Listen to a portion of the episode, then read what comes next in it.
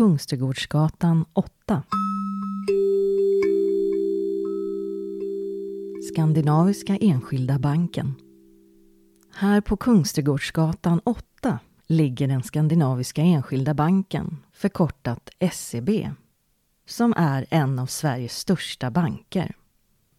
Det hela började när banken startades 1856 av André Oskar Wallenberg. Det var Stockholms första privata bank och en av de första affärsbankerna i Sverige.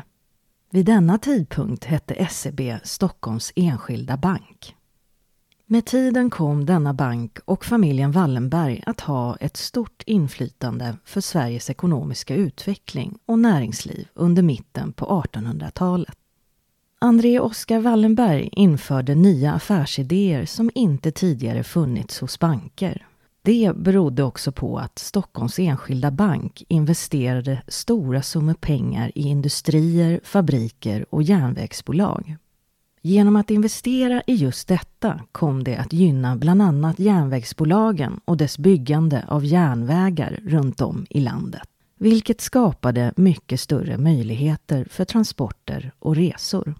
Bankens investeringar var ett stort stöd för uppbygganden av svensk infrastruktur och industri.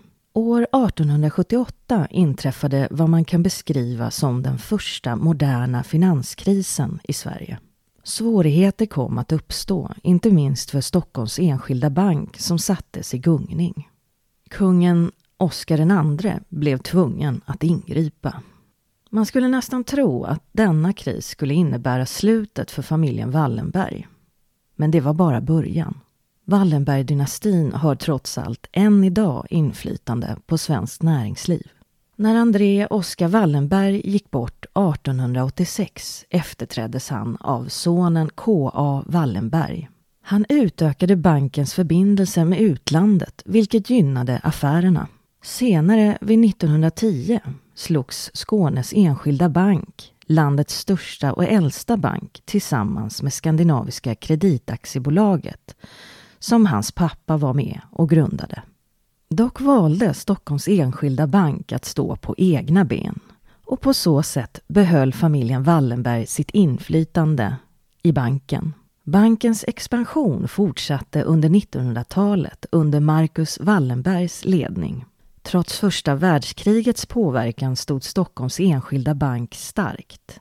Men kriser som Krügerkraschen drabbade bankerna hårt, så hårt att de var tvungna att ta lån från staten. Banken kom att gå igenom många påfrestande kriser men lyckades behålla sin ställning och vara en innovatör. Till exempel var SEB först med internetbank. Från 1996 gjorde bankens kunder sina ärenden via webben. Och här på Kungsträdgårdsgatan har banken ägt fastigheter redan från 1907. Men det var först 1915 som SEBs huvudkontor blev klart och verksamheten kunde flytta in.